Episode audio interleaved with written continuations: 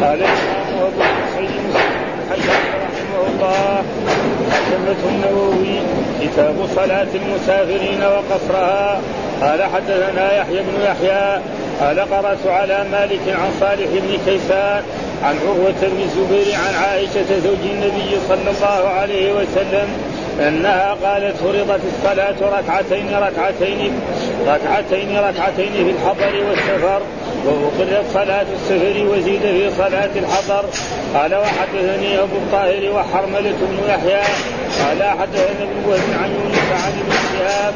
قال حدثني عروة بن الزبير أن عائشة زوج النبي صلى الله عليه وسلم قالت فرض الله الصلاة حين فرضها ركعتين ثم أتمها في الحضر وأقرت صلاة السفر على الفريضة الأولى.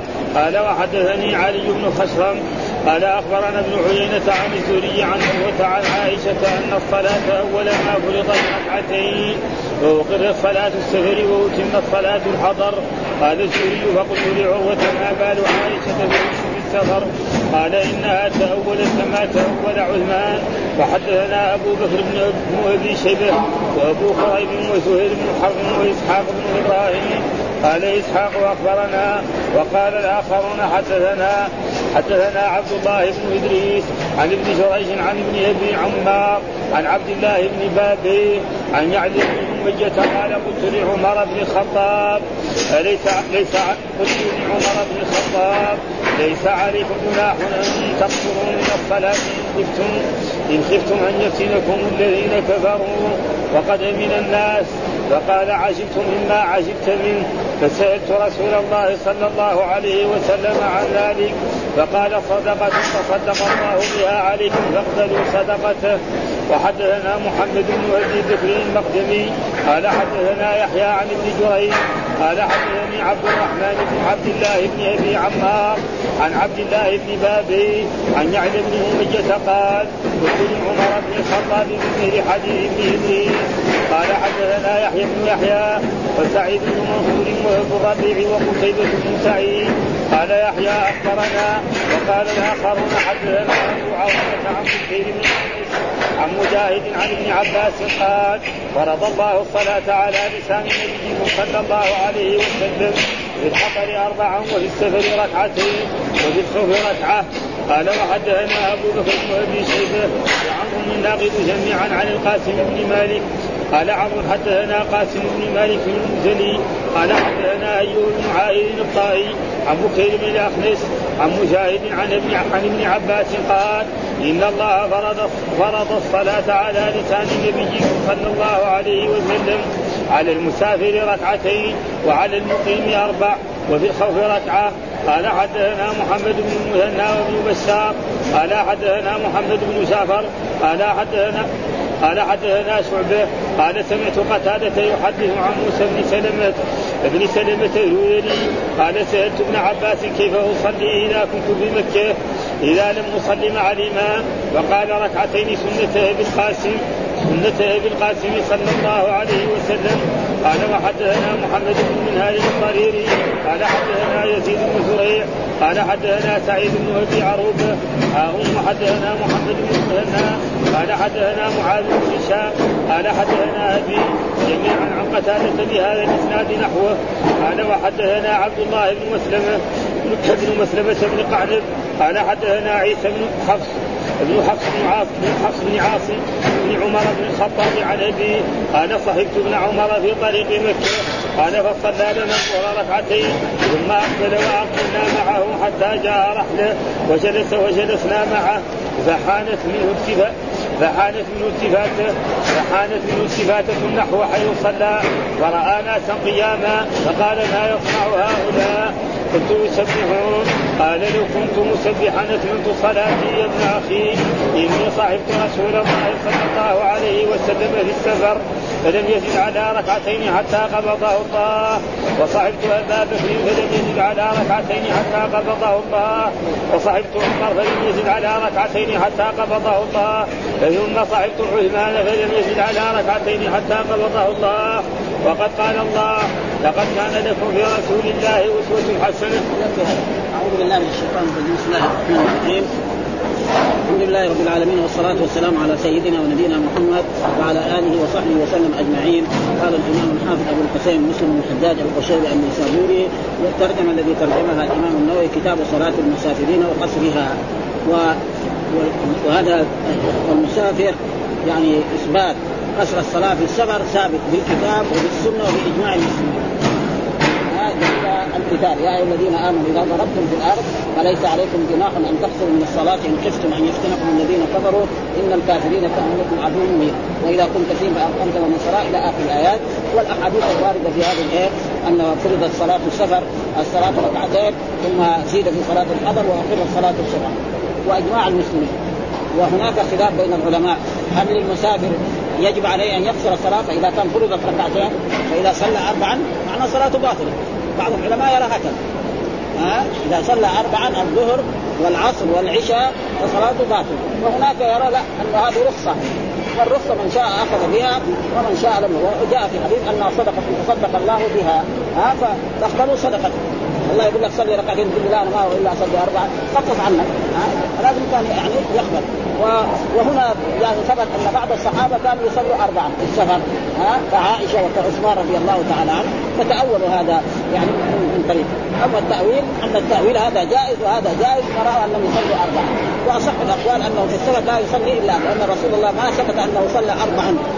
الصلاة الرباعية أبد أذكر يعني رجل من طلبة العلم أو من العلماء يثبت أنه صلى أربعة. ما في شك. إنما ثبت عن بعض الصحابة. هذا معناه كتاب صلاة. وكتاب بمعنى مكتوب. مصدر المراد به اسم يعني هذا مكتوب تجمع فيه الأحاديث الواردة عن رسول الله صلى الله عليه وسلم في صلاة المسافرين سواء صلاة المسافر واحد أو وقصرها فأنها لا بد تقصر ها فالامام بعضهم يرى أنها تقصر وبعضهم يرى أنه إن أحب قصر وإن أحب اتم وأصح الأقوال أنه لا يجوز لأن رسول الله صلى الله عليه وسلم اعتمر وحج وقد وسياتي أحاديث أن الرسول لما خرج في حجة الوداع من يوم 25 من شهر ذي القعدة حتى عاد إلى المدينة بعد 20 من ذي الحجة. وكان يقصر الصلاة. حتى في مكة. كان يقصر الصلاة لأنه ما أقام في مكة وأيام منها كلها إلا عشر أيام فلذلك هذا هو الصحيح وهذه الأحاديث تثبت ذلك. لكن حصل خلاف بين العلماء. في موضوع يعني إذا أتم الصلاة هل صلاته صحيحة أو غير ذلك وهذا ذكره إيه الإمام النووي وسنقرأه معه لنستفيد جميعا من ذلك. فيقول هنا الحديث الأول حدثنا يحيى بن يحيى قال قرأت على مالك عن صالح بن كيسان عن عروة بن الزبير عن عائشة زوج النبي صلى الله عليه وسلم وزوج يعني الأحسن أن يقال زوج ما يقال زوجة للمرأة هذا أصح اللغة العربية. وإذا قال زوجها فلا بأس بذلك. نعم؟ أنها قالت فرضت الصلاة ركعتين ركعة. يعني لما فرض الصلاة في مكة ومعلوم أن فرض الصلاة كان في مكة بعد عشر سنوات من هجر من بعثة الرسول صلى الله عليه وسلم. فصلى الرسول ركعتين الظهر والفجر والظهر والعصر والمغرب كمان نعم؟ أو المغرب صلاة كذا لأنها وتر النهار والعشاء ركعتين. ثم بعد ذلك زيد في صلاة الحضر وأبقيت صلاة السفر كما هي ركعتين في الحضر والسفر فأقر صلاه السفر وزيد في صلاة الحضر فهذا يفهم فلما يقول فرضت معناه واجب. ما يجوز. فإذا صلى اربعا يعني يرى بعض العلماء فصلاته باطلة. لا يجوز له وهناك من يرى أن هذا يعني رخصة والرخصة من شاء أخذ بها ومن شاء لم يأخذ بها. وحدثنا أبو الطاهر وحرملة بن يحيى قال حدثنا ابن وهب عن يونس عن ابن شهاب قال حدثني عروة بن الزبير أن عائشة زوج النبي صلى الله عليه وسلم قالت فرض الصلاة حين فرضها ركعتين ثم أتمها في الحضر فاقر الصلاة السفر على الفريضة الأولى. هذا. وهنا ذكر أشياء ذكرها لنستفيد منها جميعا. قول فرض الصلاة ركعتين ركعتين في الحضر والسفر واقر الصلاة السفر وزيد في صلاة الحضر. اختلف العلماء في القصر في السفر فقال الشافعي ومالك بن أنس وأكثر العلماء يجوز القصر والاتمام ها يجوز لأن هذا رخصة وصدقة تصدق وان القصر والإتمام والإتمام القصر والإتمام والقصر أفضل. والقصر ولنا قول أن الإتمام أفضل. يعني في إيه؟ في مذهب الإمام الشافعي. ولنا إذا قال لنا الإمام النووي معناه في مذهب الإمام الشافعي. ووجه أنهما سواء. ووجه آخر أنهما سواء. إذا صلى أربعا جائز وإذا صلى. وهذا لم يثبت عن رسول الله.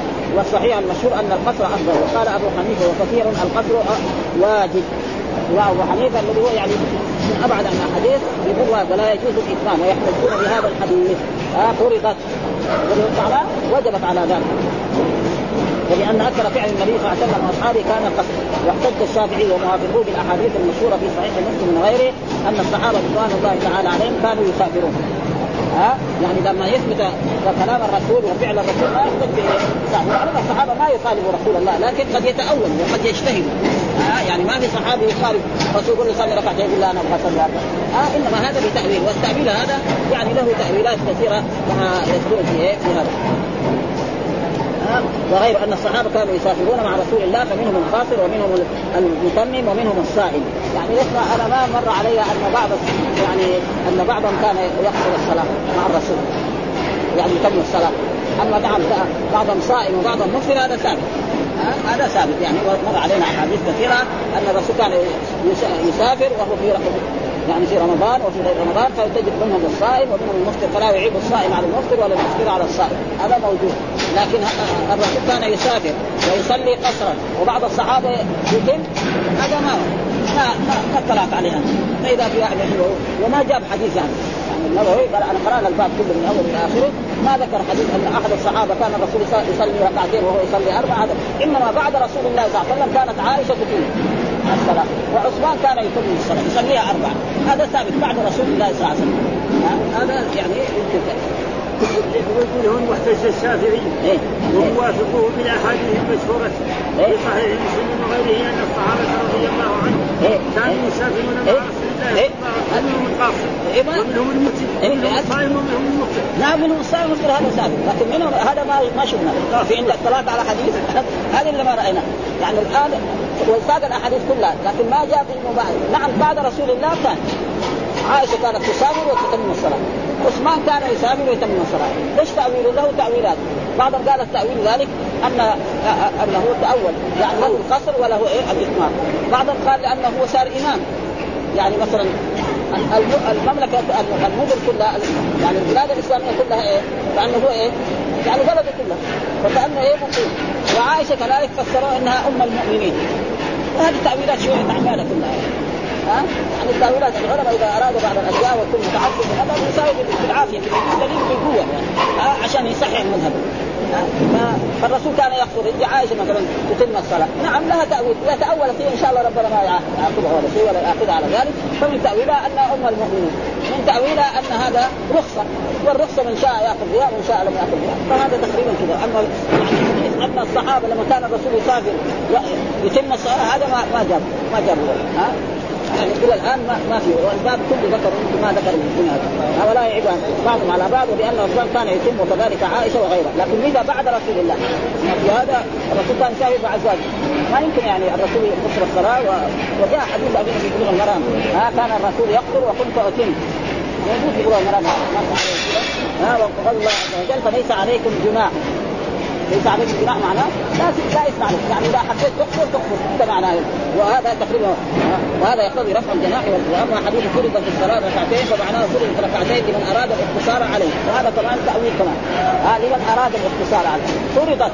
ما يعني شوية ما ما ما ما اختصار وقيل في صلاه الحضر ركعتان على سبيل التحكيم واقر الصلاه على جواز الاقتصار وثبت وثبت الدلائل لجواز الاتمام فواجب ان يشير اليها والجمع بين بين دلائل الشرع يعني إيه؟ يعني الواحد اذا قصر له ذلك واذا اتم له فقلت العلماء ما بال عائشه تتم في السفر ها تتم يعني إيه في المستقبل فقال انها تاولت كما تاول عثمان إيش التاويل؟ اختلف العلماء في تاويل والصحيح الذي عليه المحققون انه رأي القصر جائز والإتمام جائز. هذا جائز وهذا جائز. فإذا كان هذا جائز وهذا جائز. واحد فعل أو أحد منهم. يلام هذا يعني هذا أحسن إيه؟ تفسير وأخذ بأحد وأخذ بأحد الجائزين عثمان إمام المؤمنين. إمام المؤمنين. لأنه في أيام خلافته هذا كان يسابق وعائشة أمهم. ها فكأنهما في منزلهما. وأفضله المحققون بأن النبي صلى الله عليه وسلم كان أولى بذلك. من إمام المؤمنين؟ في الدرجة الأولى. رسول الله. ثم يجي أبو بكر ثم يجي عمر ثم يجي عثمان بعدين يجي عثمان. فلذلك هذه التأويلات كلها وانما يعني هذا أحسن تفسير وهو انهم يعني آه، اختاروا أحد. أن هذا جائز وهذا جائز. وقيل أن عثمان وقيل لأن عثمان تأهل بمكة. يعني تزوج في مكة وصار مكة إيه؟ بلد وصار إيه؟ يتم الصلاة في منى. ما في لكن في عرفات أقول ما ما يقدر يتم. ابدا. لابد انك تصلي الظهر ركعتين والعصر إيه ركعتين تحميم وكان أولى بذلك وكان لأن عثمان تأهل من مكة واخبروه بأن النبي صلى الله عليه وسلم سافر بأزواجه وقصر وقيل فعل ذلك من أجل الاعراب يعني عثمان فعل ذلك من أجل الاعراب الذين حضروا معه لئلا يظنوا أن فرض الصلاة ركعتان. وهذا في عهد الرسول. يعني الناس كان عندهم يعني في ضعف في معرفة إيه أحكام الإسلام أكثر لأنه عثمان تولى الخلافة في عام 23 مثلا في 23 سنة الناس يصلون. وأكثر من ذلك. فهذه كلها تأويلات يعني بعيدة عن عن الموضوع وهذا كذلك وقيل لأن عثمان نوى الإقامة بمكة بعد الحج وهذا كذلك برضه معناه وأخبروا بأن الإقامة بمكة حرام على المهاجر فوق ثلاث. ولذلك الرسول ما جلس في مكة بعد حجة الوداع ولا يوم. خلاص ما انتهى الحج. يوم 13 ليلة 14 خرج من مكة لأنه مهاجر. والمهاجر خلاص لا يبقى في البلد الذي تركها لله سبحانه وتعالى ولا ولا يبقى. وقيل كان وقيل كان لعثمان ارض من هنا واخبروه بأن ذلك لا يقبل الإكرام والاقامه والصواب الأول ثم مذهب الشافعي ومالك وأبو حنيفة وأحمد والجمهور أنه يجوز القصر في كل سفر مباح. آه كل سفر مباح. بعد سفر لإيه؟ للتجارة للحج للعمرة. آه مثلا يروح نزهه آه أما إذا كان سفر حرام لا يجوز. مثلا يروح يسرق أو يروح يزني لا. لا السفر ها وبعد من سفر إيه حج وعمرة وغزو وبعد كونه سفر طاعه ها طاعه قال الشافعي ومالك وأحمد والأكثرون لا يجوز في سفر المعصية. ها يقول لك سفر المعصية إذا كان للسرقة أو لغير ذلك لا يجوز أن يقتل الصلاة لأنه هذا وجوزه أبو حنيفة والثوري. وهذا تقريبا صحيح. لأنه يعني آه آه الصلاة إذا كان فرضت ركعتين خلاص لازم تكون على ذلك. ثم كان الشافعي اذا برضه نعم يقصد يقصد. ها؟ البلاد ما لها ومالك واصحابه والليث والأوزاعي وفقهاء اصحاب الحديث وغيره ولا يجوز قتل الا طيب قد إيه المسافه الذي يقصد فيها؟ قال العلماء مرحلتين. يعني تقريبا زي 80 كيلو. وأما إذا يبغى يسافر مثلا يروح بكره يقول هذا السفر أو يروح عروة ولا يروح أبيار علي هذا. ما هو سفر هذا. ما يقصر الصلاه ولكن وكذلك ما يقصر الصلاه حتى يخرج من البلد. مثلا يبغى يسافر إلى مكة حتى يوصل أبيار علي. ما يقصر الصلاة هو لسه المدينة. ها؟ وبعضهم يقول لها ثلاثة مراحل. ثلاثة مراحل معناها تقريبا يعني طبعا يعني حول 90 كيلو أو 80 أو طلع ذلك. وبعض من العلماء يرى أنه أي شيء يسمى سفر. ومعلوم أن السفر لابد من زاد ولا بد من راحلة ولا بد من أشياء يعني. فلذلك يعني أشياء يعني والليث والأوزاعي وفقهاء أصحاب الحديث وغير لا يجوز الحج إلا في مسافة مسيرة مرحلتين قاصدتين وهي 48 ميلا هاشمية والميل 6000 ذراع والذراع 24 إصبعا معترضة معتدلة والإصبع ست شاعرات معترضات. هذا قال الكوفيون لا يقصر في الصلاة أقل من ثلاث مراحل. هذا طبعا زايد فإن الرسول كان وروي عن عثمان بن مسعود وحذيفة وقال داوود وهذا الظاهر يجوز في السفر الطويل والقصير حتى لو كان ثلاثة أميال يعني لو كان إلى إلى إلى عروة أو إلى إلى الجامعة يجوز. هذا تقريبا يعني الفقهاء لا يقولون. ولذلك أصح الأقوال هو أن الإنسان لا إذا كان سفر طاعة وكان له أن يسر الصلاة ويصلي ركعتين الصلاة الرباعية بس الظهر والعصر والعشاء. وأما المغرب فانها وتر النهار لا تخسر وكذلك الفجر. لا يجوز الانسان أن يفعل ذكر حصلنا من ذلك أن حدثنا أبو بكر بن شيبة وأبو كريب وزهير بن حرب وإسحاق بن إبراهيم وإسحاق قال أخبرنا وقال الاخرون حدثنا عبد الله بن إدريس عن ابن جريج عن عن ابن أبي عمار عن عبد الله بن بابين عن يعلى بن اميه قال قلت لعمر بن الخطاب ليس عليكم جناح أن تقصروا من الصلاة إن خفتم يفتنكم الذين كفروا. وقد أمن الناس فقال عجبت مما عجبت منه. فسألت رسول الله صلى الله عليه وسلم عن ذلك فقال صدقه صدق الله بها عليكم فاقبلوا صدقته في هذا الحديث برضه يقول عن يعلى بن أمية وهذا كان له صله بامير عمر الخطاب. قال ليس عليكم الله يقول ليس عليكم جناح أن تقصروا من الصلاة. يعني لا حرج عليكم ولا إثم عليكم ولا ذنب عليكم. فإذا يعني الاسلام هو الاحسن هذا الذي يفهم من الايات ليس عليكم الجناح دائما يكون على الانسان الذي يعني يخالف فإيش معنى؟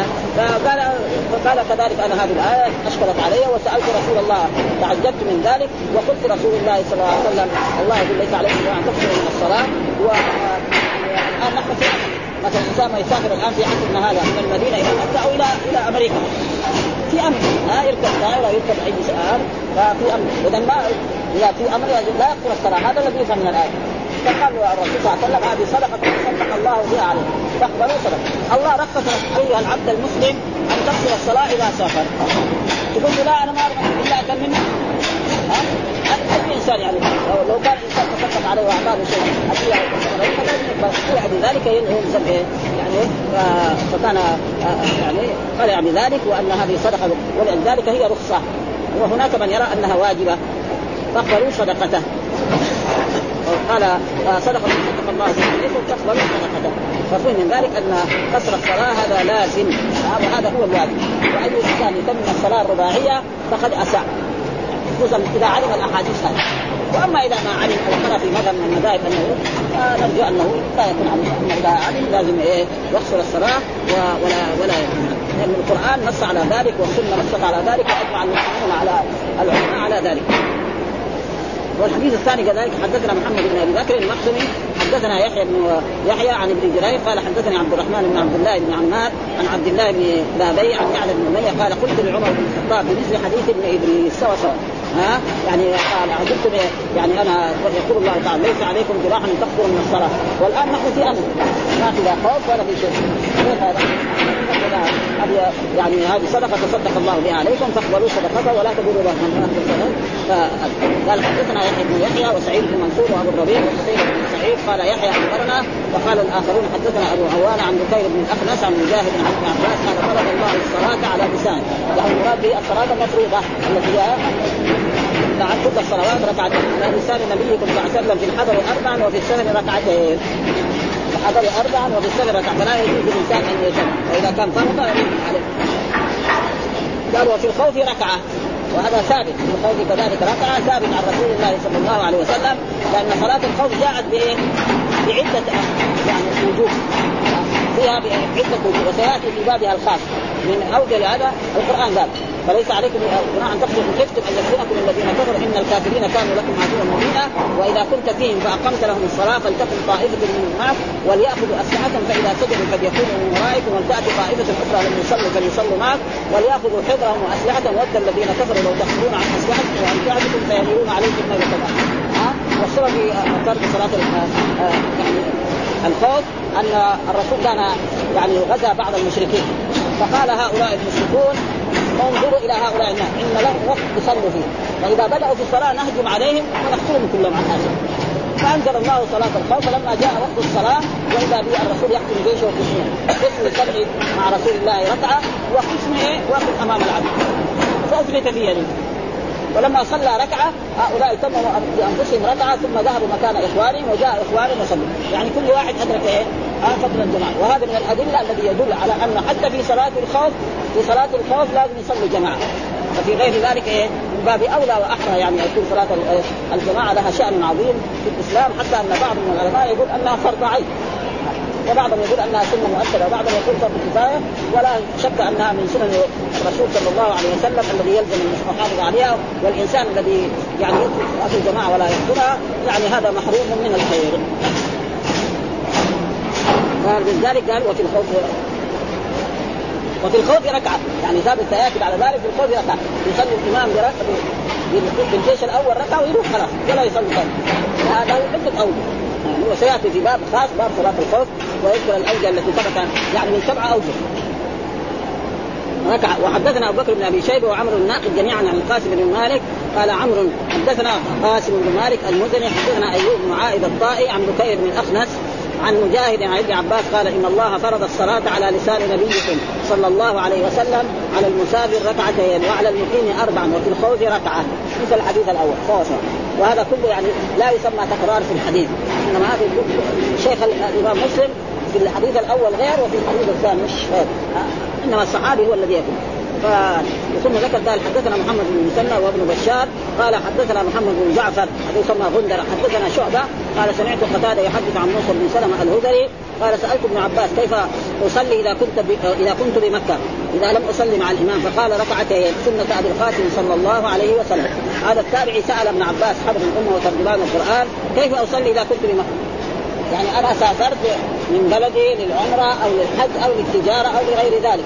نعم أو لزيارة شخص ما ووصلت مكة. كيف أصلي في مكة؟ هل أتمم الصلاة أو أقصر الصلاة؟ أنا مسافر يعني ما أردت الإقامة في مكة. فقال لي إذا صليت وحدك صلي إيه؟ صلاة المسافر، وإذا صليت خلف الإمام المقيم صلي الصلاه، وهذا هو الواجب، أي إنسان مسافر إذا صلى خلف إمام مقيم لازم ما يصلي ركعتين ويسلم ويقوم يروح. بس. ها؟ لازم يسلم الصلاه، صلى خلف إمام مقيم يصلي أربع ركعات. وإذا صلى وحده أو صلى مع المسافرين يصلي ركعتين. فسأل عبد الله بن عباس قال إذا صلى مع الإمام فقال ركعتين سنة أبي القاسم صلى الله عليه وسلم. إذا كنت بمكة إذا لم أصلي مع الإمام فقال ركعتين سنة أبي القاسم. فهذا تقريبا هو الذي يجب. وإذا صليت مع الإمام لازم تتمم الصلاة لأن الإمام يعني له حكم وهذا.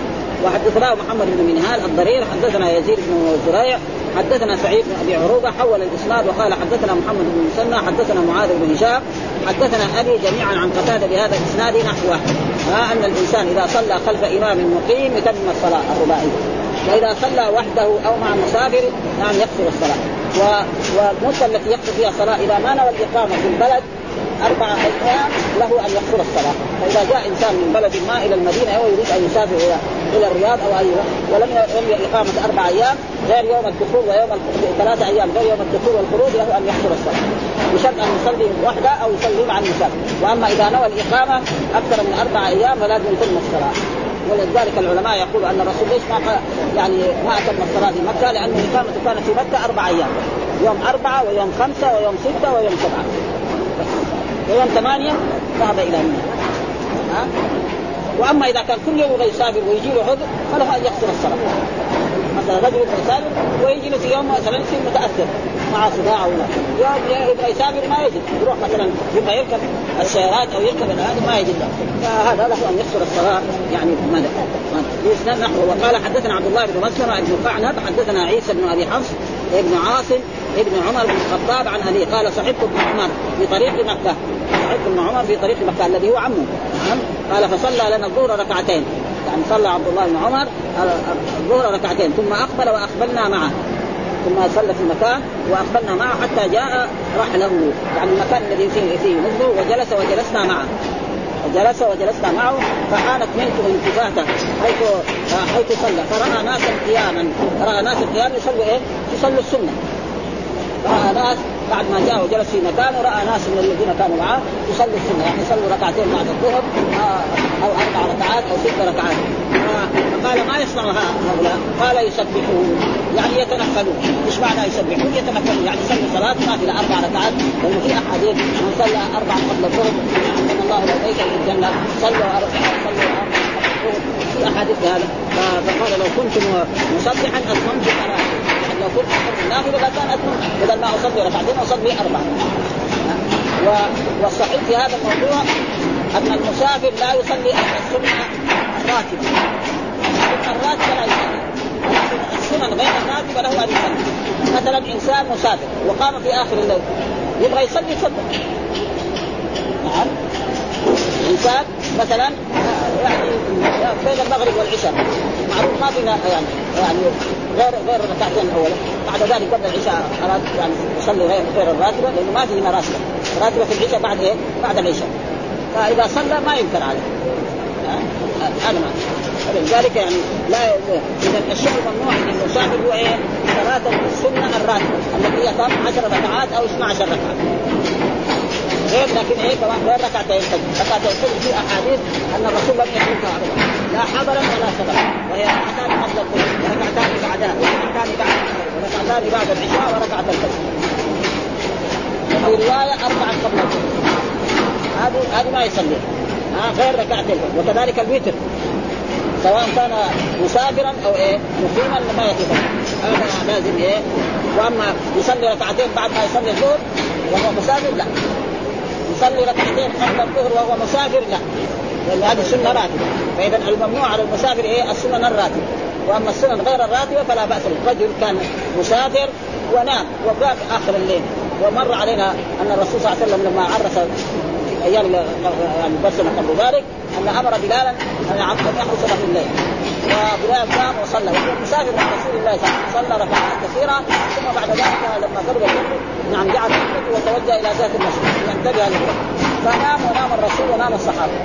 فإذا المفهوم إنه إيه الشيء الممنوع هو صلاة السنة الراتبه قال لو كنت مصبحا لأتممت صلاتي يا ابن أخي. يعني صحبت رسول الله في السفر فلم يزد على ركعتين حتى قبضه الله يعني توفي الرسول صلى الله عليه وسلم وصحبت أبو بكر فلم يزد على ركعتين حتى خرج. يعني ما كان يصلي أربع. وصحبت عمر فلم يزد على ركعتين حتى ثم صحبت عثمان فلم يزد على ركعتين حتى الله وقد قال الله لقد كان لكم في رسول الله أسوة حسنة.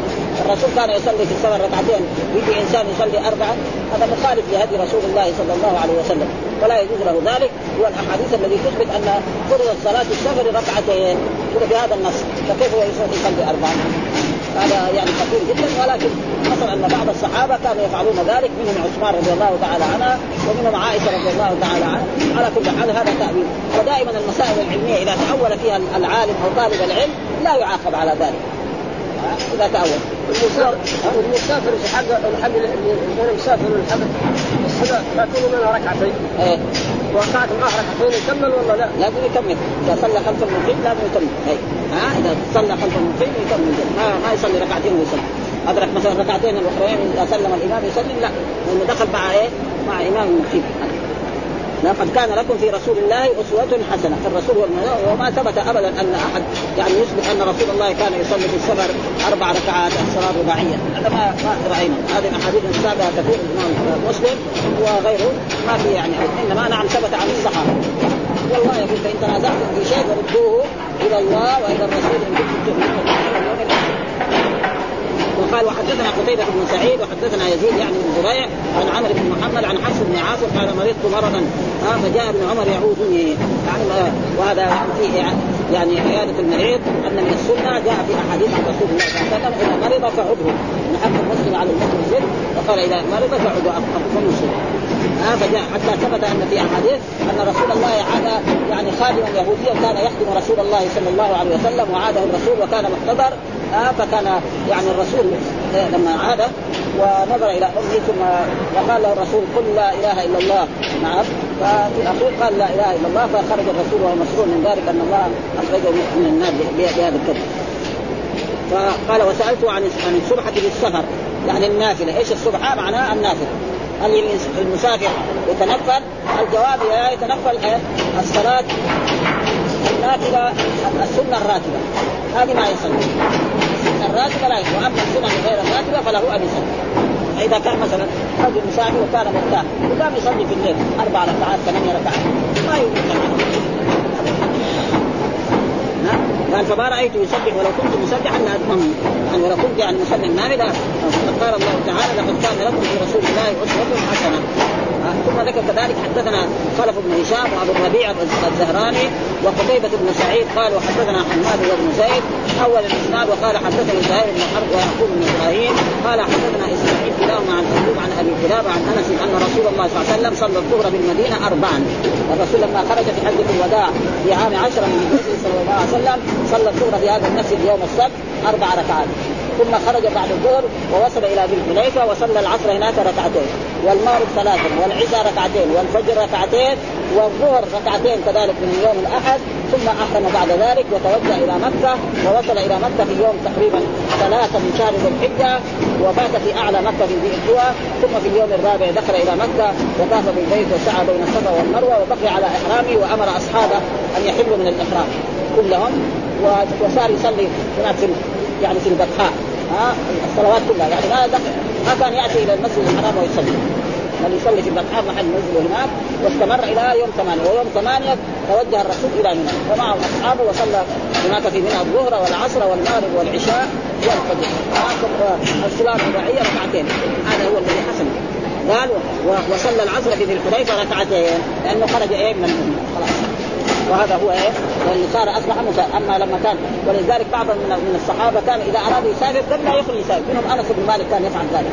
وهذا على كل حال مخالف برضه يعني بعد ما يخرج من البلد يصلي الصلاه فهو الانسان ما خرج لا يصلي ولذلك الحديث يقول ها صلى الظهر بالمدينة اربعا.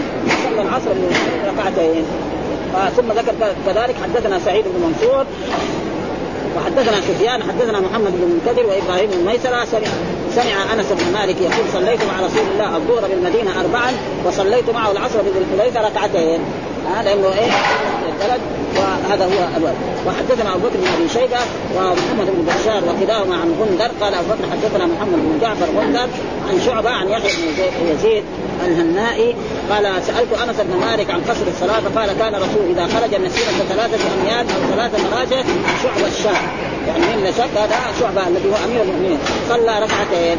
يعني لازم ما يسمى سبب. فلا يجب الانسان مثلا يذهب إلى قبى يقول هذا سبب. يسمى أو يذهب مثلا إلى عروة أو إلى الجامعة أو مكة. يعني مثل ذلك خفيف هذا بد يكون السفر يعني وبعض العلماء ذكروا أن إيه؟ مرحلتين. مرحلتين وبعضهم ذكر ثلاثة. وبعضهم يرى أن أي شيء يسمى سفر. لأن الأحاديث اللي فيها التعيين هذه أحاديث ما هي قوية كلها. وعلى كل حال ها يعني صلاة السفر يعني مشروعة وما فيها.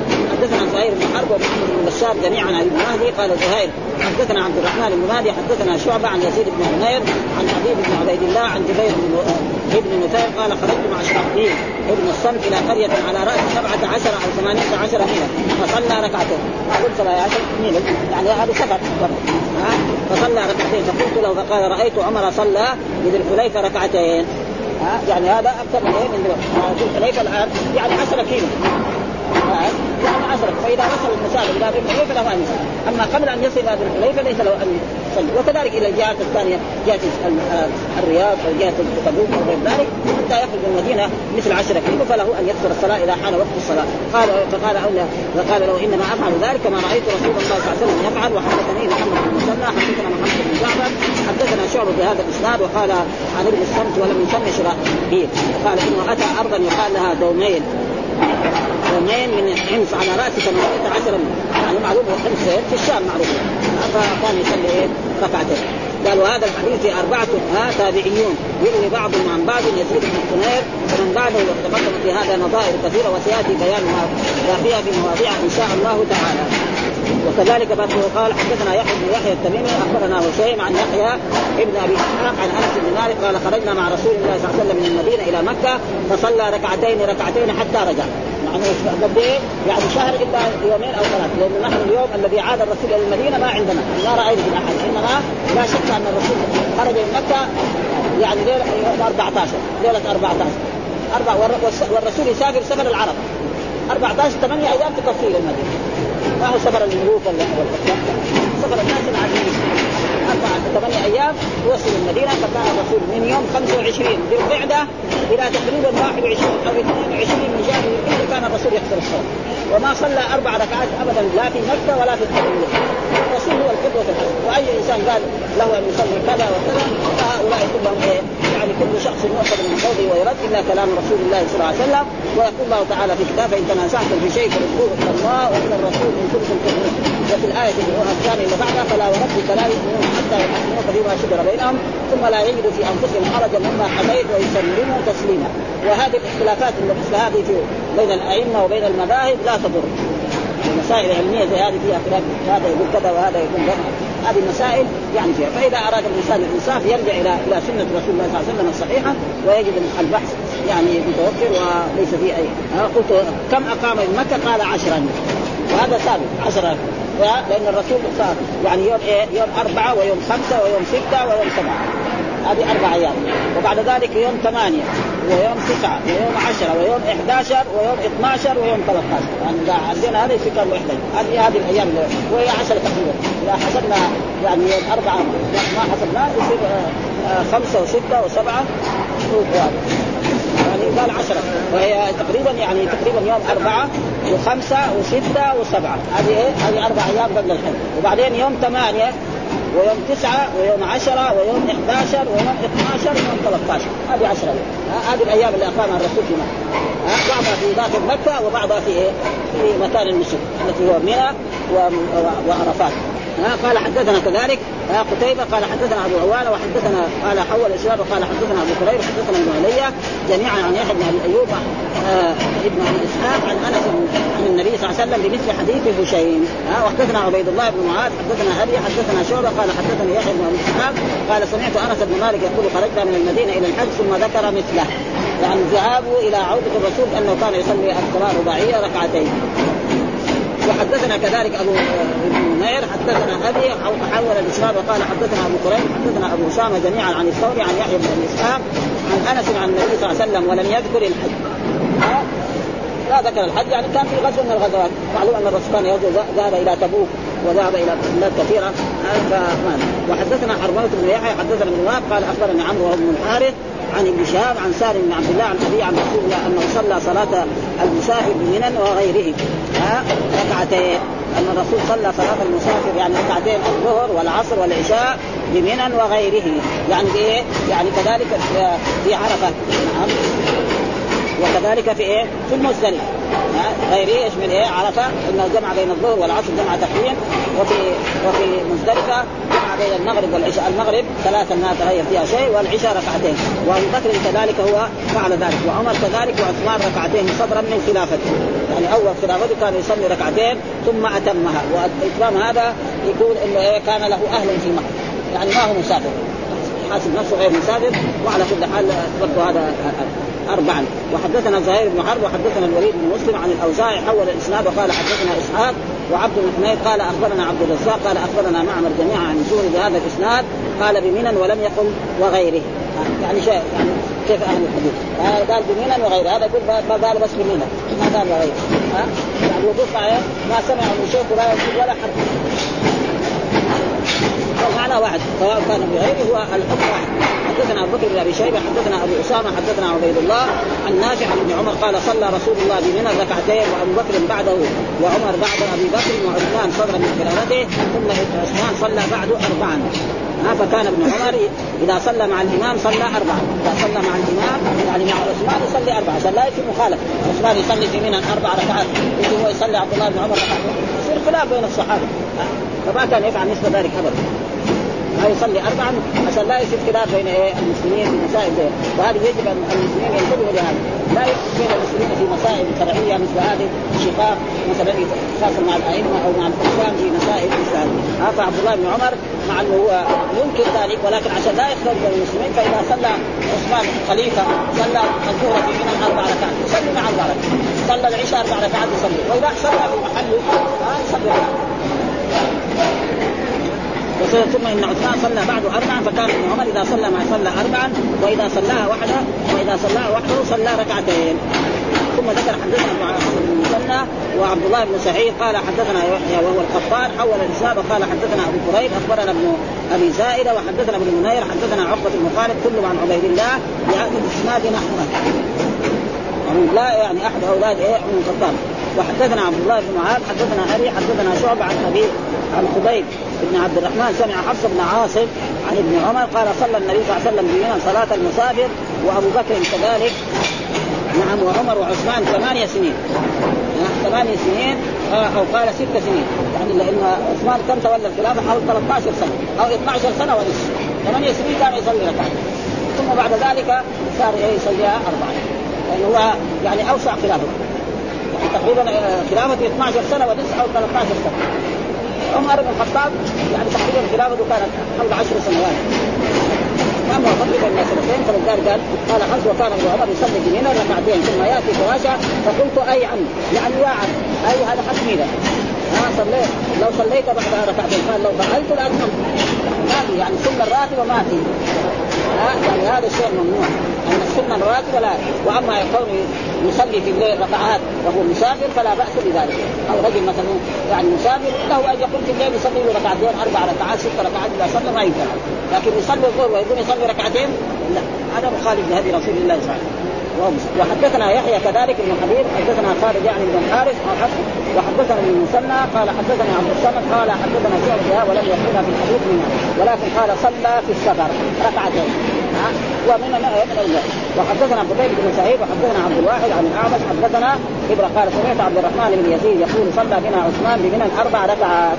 ها؟ لما كان خليفه فقيل ذلك لعبد الله بن مسعود فاسترجع عثمان قال لا حول ولا قوة إلا بالله. يعني هذا عثمان خالف هدي رسول الله صلى الله عليه وسلم. ولكن بصورته خليفه لأنه هذا لو جاء أنكر عليه. هذه مسألة ما ما يعني من المسائل الصعبة وإلا في مسائل هذا ما ما يسكت عنها فهو متعود أن سالمه أهل ما هو مسافر هذا بلد هذا. ومن أن كذلك يعني فلذلك لا ينكر عليه يعني من ركعتين وصليت مع ابي بكر. يقول صلى بنا عثمان بمنى أربع ركعات فقيل ذلك لعبد الله بن مسعود فارجع. يعني قال لا حول ولا قوة إلا بالله ثم قال صليت مع رسول الله بمنى ركعتين وصليت مع ابي بكر الصديق بمنى ركعتين وصليت